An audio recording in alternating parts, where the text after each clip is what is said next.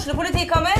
Ine Jansen er purk. Er du purk? The motherfucking bitch. Alt jeg vil, er å finne ut hva som skjedde med mannen min. Jon Carew, Er jeg sikta for noe? Iben Akeli, Det er du. Ole So, Lars Berrum og Big Daddy Karsten. Hvem sin side er du på, egentlig? Anette Hoff, Tone Danielsen, Kommer du fra Afrika? Jørnis Josef, Nesten. Kløfta. Trond Espen Seim, Det er synd å si det, men det var feil mann som døde. Purk. Premiere søndag på TV2 Play. Godt råd fra Apotek 1. Påsken markerer starten på solkremsesongen. Og når du skal ut og nyte solstrålene, bør solkremen allerede være på. Mange av oss har ikke sett sola i vinter. Derfor trenger den vinterbleke huden ekstra god solbeskyttelse. Husk solkrem selv om det er overskyet, og at snø og sjø gir økt reflektering av solstrålene. Kom innom og få råd på ditt nærmeste Apotek 1, eller chat med oss på apotek1.no. Apotek 1. Vår kunnskap, din trygghet. Kiwi er billigst i VGs matbørs og har vært billigst i fire av de fem siste VGs matbørser. Og nå har vi billige parti- og sesongvarer til påske. På 6 ganger halvannen liter Coca-Cola Zero setter vi prisen til 79 pluss pann. På 600 gram Folkets Burger Big Pack setter vi prisen til 79. På 650 gram Lerøy helside laksefilet i aluminiumsform setter vi prisen til 169. For det er vi som er prispresserne. Og vi i Kiwi gir oss aldri på pris. Advarsel. I denne podkasten vil du høre historier basert på informasjon programlederne har funnet selv. Programlederne står ikke nødvendigvis inne for meninger og syn som fremstilles. Noen påstander kan avvike fra virkeligheten.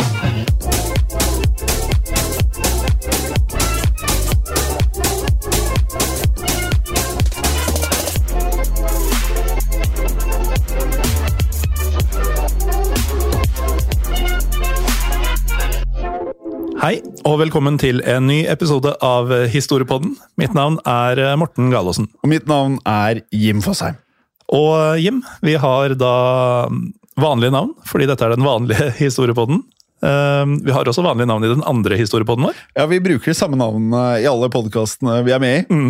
Eh, Det er helt riktig. Og så tenkte jeg også videreformidle en ting som eh, vi er veldig opptatt av. Og det er dette her med ratinger. Ja, Og hvor mange medlemmer vi har i forskjellige sosiale mediekanaler. Det er litt barnslig, eller? Det er kanskje det, men det er jo også naturlig, da. Altså, Ja. Vi sitter jo her i studio bare hver for oss, og aner jo ikke hva folk rundt syns om oss, med mindre de rater oss eller kommer med tilbakemeldinger i sosiale medier. Ja, det er helt riktig.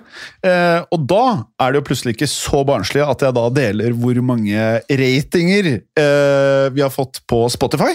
Nei, for det er jo en ny greie. Ja, det er en ny greie, og vi kan jo da legge til at historien på den andre verdenskrig den er oppe i, eller jeg tror den nærmer seg 400 ratinger, og det tror jeg er på under en uke eller to. Da har det gått unna.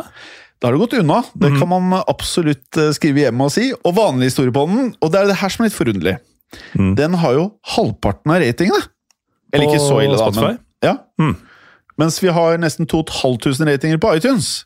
Og det leder til en ganske fiffig konklusjon, Mm. som jeg kommer til å stå for. Og det er at eh, ettersom iTunes var størst først, eller tidligere, Mm. og Spotify nå begynner å ta mer og mer markedsandeler, og flere og flere hører på historiepodden 1 og 2 eh, på Spotify, så virker det som at eh, historiepodden nå høres mest på publikum på Spotify, og det er der ratingene nå samles. Mm. Mens tidligere så hørte folk mest på historiepodden på iTunes. Ja, for eh, denne historiepodden, altså vanlig historiepodden som folk hører på nå, den har eksistert ganske mye lenger enn historiepodden andre verdenskrig. Så det var på en måte en annen tid. Ja. Da, ja, historisk sus over den konklusjonen din. Ja, det er helt riktig. Som andre ord, gå inn på Spotify og rate vanlig historiepodden, som er denne, ikke sant? Denne, ja. Ja, og historiepodden andre verdenskrig, som er den vi skal spille inn om en time. Ja, og um, noe av det som skiller denne fra historie på den andre verdenskrig, er at uh, i dag så skal vi til første verdenskrig. Ja. Og se på uh, ja, rett og slett en rekke grusomme hendelser. Uh, For det skal handle om ekstreme naturkatastrofer, og muligens den eneste gangen hvor snøskred er blitt brukt som et våpen i krig. Uh, Da med svært dødelige konsekvenser. Men uh, vi kan jo først uh, begynne med å gi en kjapp oversikt over konflikten vi skal inn i. Ja, og som mange allerede vet, så brøt første verdenskrig ut i år 1914. Eh, Det var over lengre tid blitt rustet opp og også skapt allianser i Europa, noe som da økte spenningen mellom stormaktene. Da den østerrikske erkehertugen og tronfølgeren Frans Ferdinand også et band jeg hørte mye på i gamle dager. Ja, Skotske. Ja, Fra Glasgow. Mm. Ble skutt i et attentat i Sarajevo den 28. juni 1914. Satte det i gang en kjedereaksjon av krigserklæringer. Ja, og i denne krigen så sto to allianser mot hverandre. På den ene siden, som ble kalt uh, Ententen, eller Antanten, var Frankrike, Russland og Storbritannia. Fra 1917 av var også USA blant eh, de primære aktørene her. På den annen side så sto de såkalte sentralmaktene, som da var Tyskland, eh, det som het Østerrike-Ungarn og Det osmanske riket. Ja, og for de av dere som er ekstra interessert i dette her, jeg har jo virkelig bitt meg fast i dette med Østerrike-Ungarn. Hvis du går inn på gamle kart og ser eh, For i dag så er Østerrike-Ungarn det er jo ikke de største landene eller de største områdene. Det var gedigent! Ja, ja. Ja. De var massive, de. ja, så på under 100 år så er jo dette her da bare totalt endret. Mm. Um, og en rekke andre mindre land over hele verden ble også trukket inn i denne konflikten, da, slik at eh, den da omsider ble verdensomspennende. Og et av disse landene var da Italia, som da gikk inn på hvordan, hvordan sa du det? Antenes? Antanten. Antantens eh, side i 1915.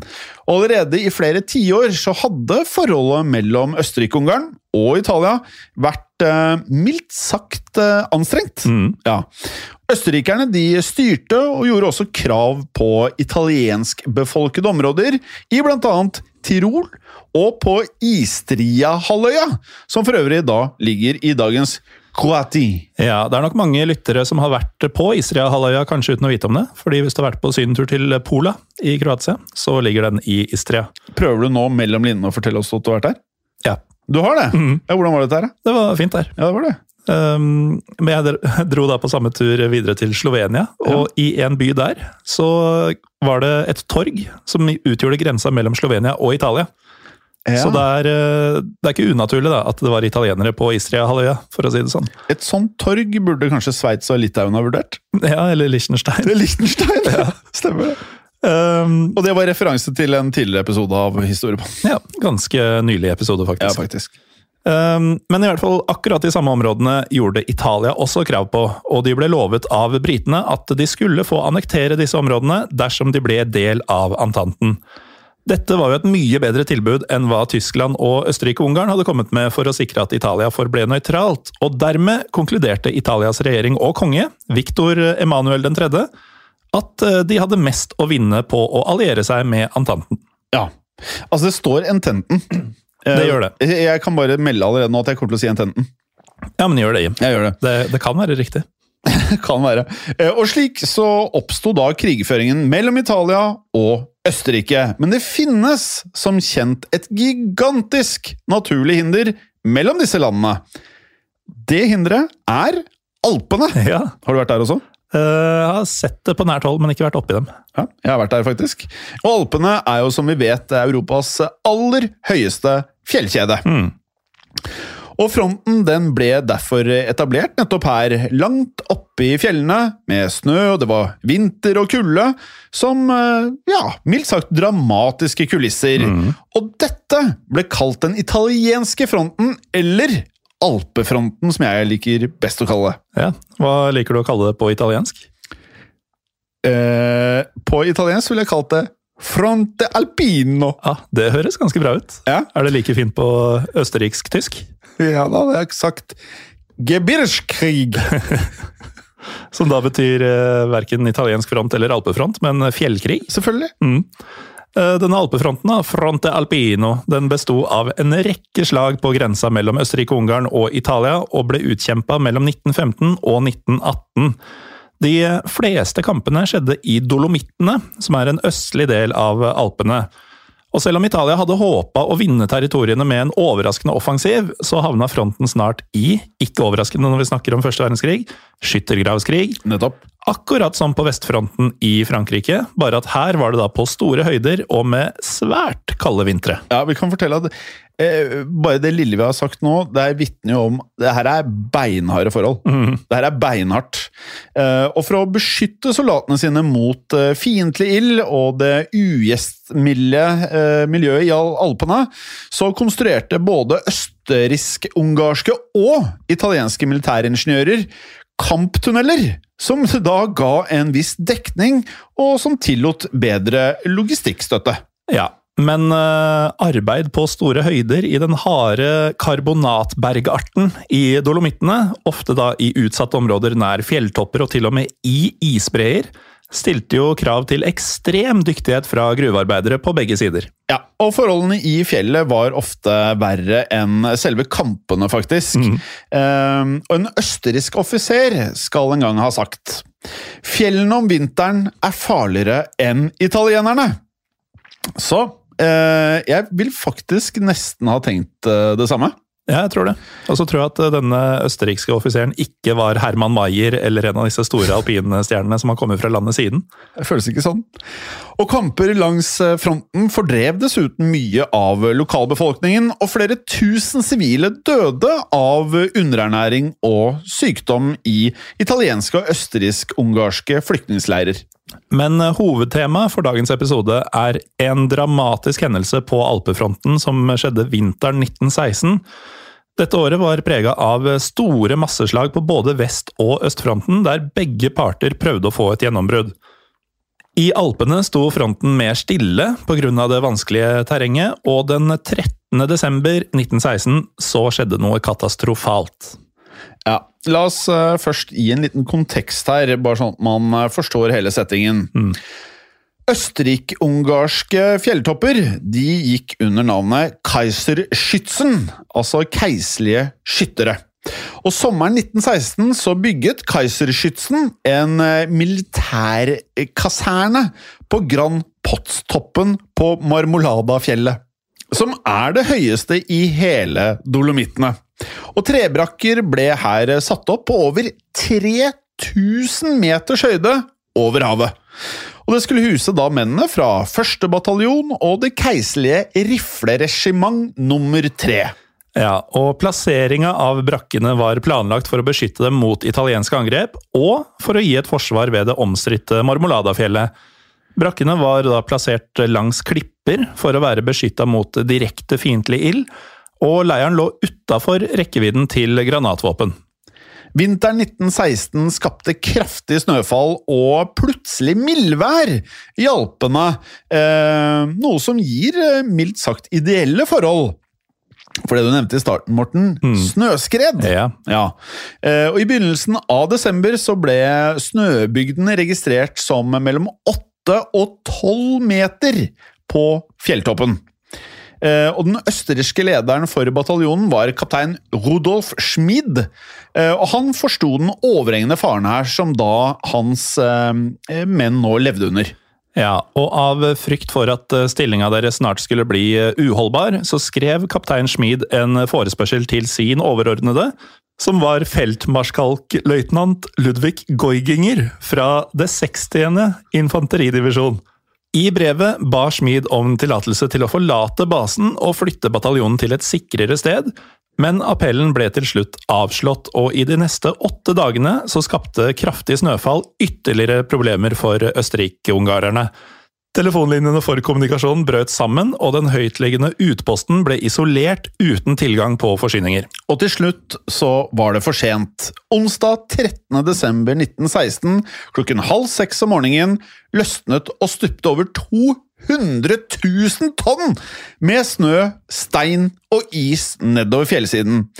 Og Militærkasernen ble da truffet med, som man nå skjønner her, voldsom kraft av enorme mengder med snø.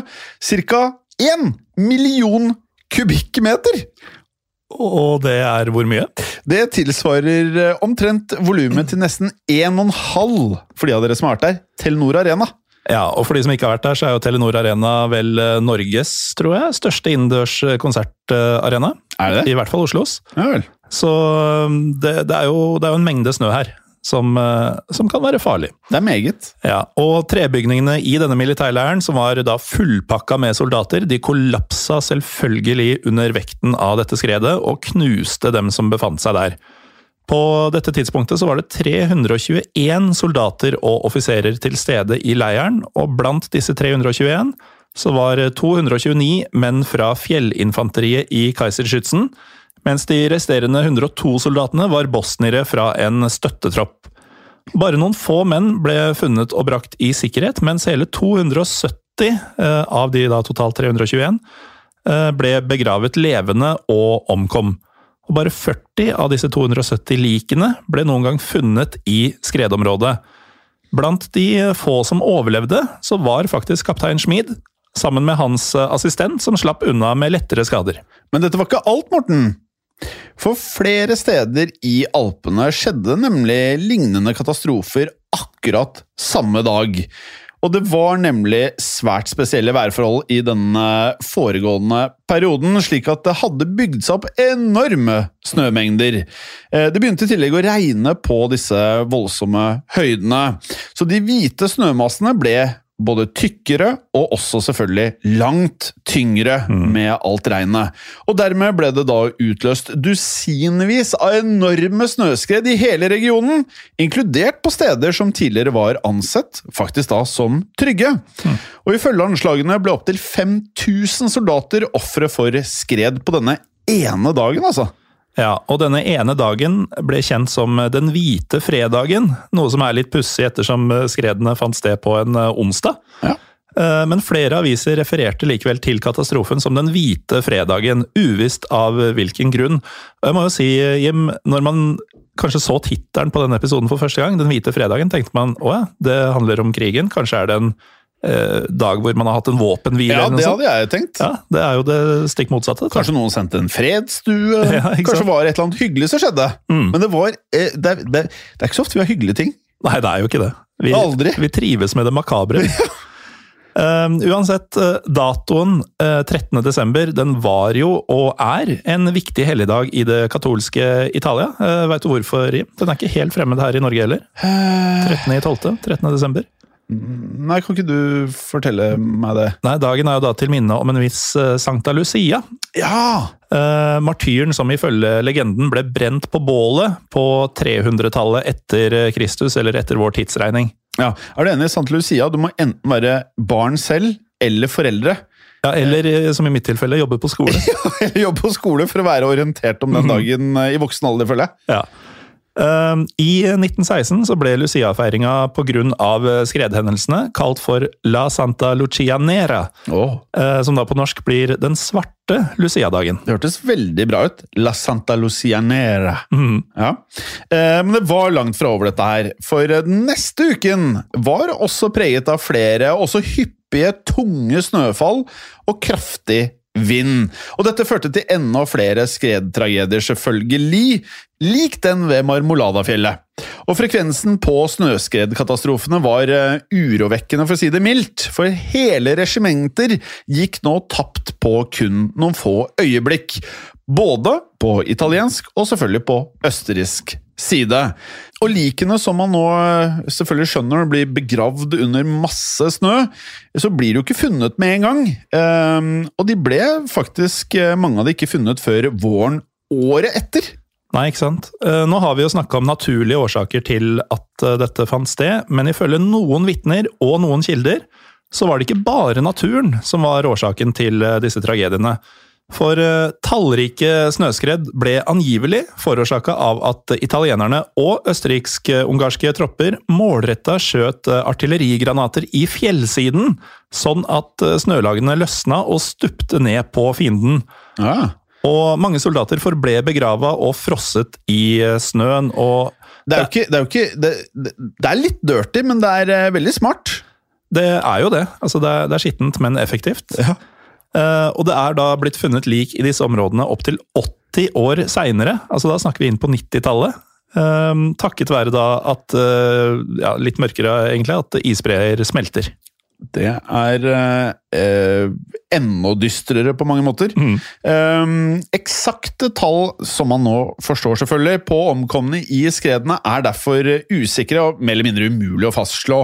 Eh, men det beste anslaget, eller det man opererer med, er at et sted mellom 9000 og også 10 000 soldater døde i slutten av desember 1916 pga. Uh, snømengdene. Og til sammen så utgjorde hendelsene det største antallet eh, dødsfall forårsaket av is- og snøskred i hele historien. Ja, og når man inkluderer alle skredrelaterte dødsfall, eh, da tar vi altså med både gjørme- og steinskred, som også utløses av et snøskred, er den hvite fredagen den nest verste skredkatastrofen som er registrert, kun overgått av Huascaran-skredet i 1970 hvor 30 000 mennesker i Peru ble drept som følge av skred etter et jordskjelv nær en isbre. Altså Her snakker vi en total pakke.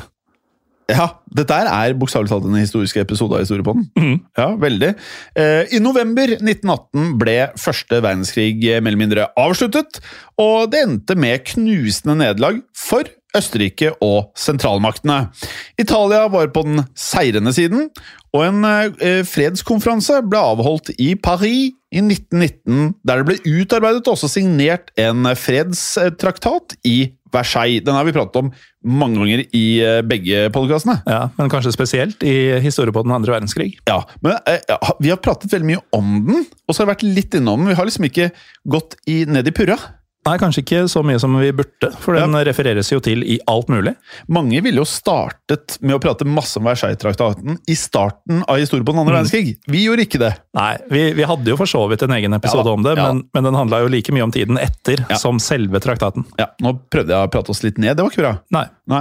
Eh, Italia de krevde landområder i Tirol for å da sikre grensen mot Østerrike, som er strategisk forståelig, selvfølgelig, mm. i tillegg til landområder langs kysten av dagens Kroatia. Ja, og Italia ble tildelt slike landområder, men nasjonalister i Italia mente likevel at traktaten var et svik. Italia hadde mista svært mange mennesker i løpet av krigen, og ifølge disse nasjonalistene så ble ikke Italia kompensert med nok territoriell ekspansjon. De kalte triumfen for en mutilert seier. Uh, mutilated på engelsk er jo ganske ja, Det er hardt. Ja. Ubehagelig. Dette var da et begrep som ble adoptert av fascistlederen Benito Mussolini, og raseriet og misnøyen la grobunn for Mussolinis oppslutning blant folket noen år senere, da han på 1920-tallet tok makta som Italias eneveldige diktator. Ja, Vi skal avslutte med å oppsummere da tapene på begge sider i alpefronten. Omtrent alle de italienske tapene i krigen skjedde på alpefronten, Oi. som jeg tror veldig få er klar over. Mm. Uh, Italia mistet i alt 650 000 mennesker i første verdenskrig, mens 947 000 ble såret. For Østerrike-Ungarn var tapstallene i hele krigen enda større. 1,2 millioner falne samt 3,6 millioner sårede. Det er mye mer enn jeg trodde. Ja, dette det er, er eh, vanvittige tall. Altså. Og dette er Eh, før eh, disse masseødeleggelsesvåpnene. altså Du hadde ikke bombefly og sånn under første verdenskrig, f.eks. Ja, det er helt sinnssykt. På alpefronten så mistet Østerrike-Ungarn rundt 400 000 mennesker. Over én million ble skadet. Det er jo helt uh, vanvittige tall, dette her. Enda... Det er som du sier, dette med våpenet. Det, Mm. det var så uh, primitivt. Ja, primitivt. Det var Mm. ikke enkelt å bare feie av gårde 100 000 mann uh, med noen bomber. Nei, det er nettopp det. Så det er, jo, det er jo vanvittige tall fra denne krigen, og denne episoden har vært enda en påminnelse om at vi kanskje burde se mer på første verdenskrig Mm. mm. framover, Jim. Den er veldig spennende. Ja. Og så glemmer jeg faktisk at de hadde jo mye pansrede kjøretøy, selv om de var ganske dårlige. Ja. Så er det litt gøy å, å dykke ned i det, faktisk. Mm. Det er det. Uh, har du som hører på noen eh, tips til uh, enkelthendelser, enkeltpersoner uh, og sånne ting fra første verdenskrig, så kontakt oss gjerne på Instagram eller Facebook, hvor vi heter Historiepodden Norge. Eller På Facebook-gruppen vår, som nå på en eller annen syk måte så har tempoet gått opp der. For eh, nå fikk jeg sånn Facebook eh, ville at jeg skulle trykke på en knapp som gjorde at jeg skulle eh, gratulere 147 nye medlemmer siste uke. Oi! 147 på en uke. Så er 400 ratinger på Spotify og 147 nye medlemmer på en uke. Ja, det er eh, Det kan man like, Ja, dette hvis du skjønner. Ja, Nå ble jeg litt varm inni meg. Det kan man absolutt like, eh, og vi har jo gjort en liten variant inn på Historie for alle her. For at eh, det ingen lyttere har gjort ennå, selv om jeg oppmuntret det i flere år, tror jeg, eller et år, Eh, en stund, i hvert fall. en stund, å lage sånn derre Avstemning. ja, ja, avstemning, så gjorde jeg det. Jeg lagde en avstemning om hva som skal være vår nye podkast. Mm. Hvis i hypot hypotetisk skulle ønske å lage en podkast til, og da var det jo veldig mye misforståelser. For da var det mange som trodde er dette en episode til?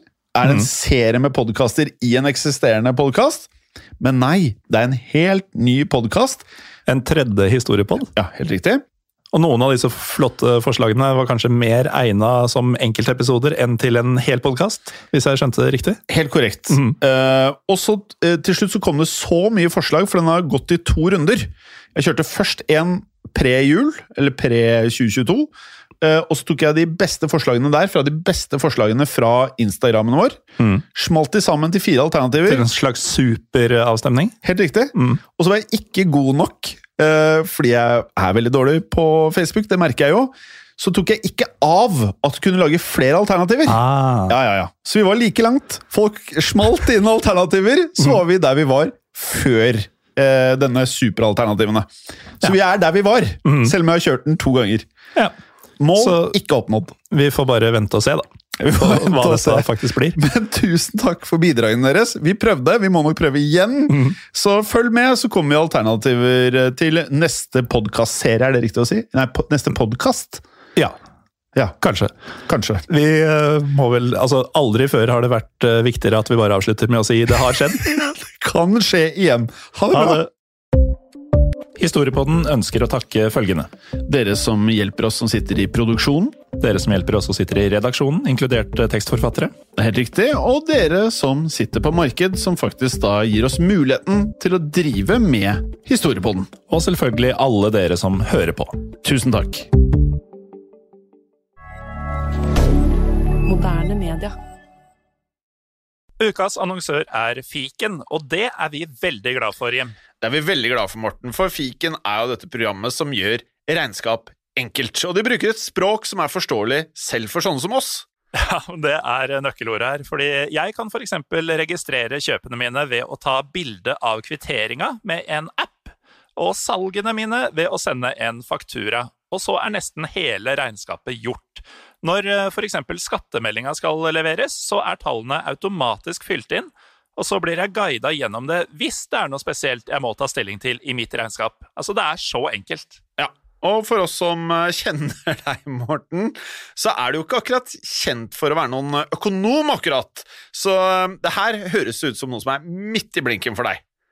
altså, det har du helt rett i, Jim. For det første så liker jeg helst å bruke tida mi på annet enn regnskap, men eh, med fiken så, så kan jeg faktisk det også, med god samvittighet, for jeg vet at jeg blir tatt hånd om.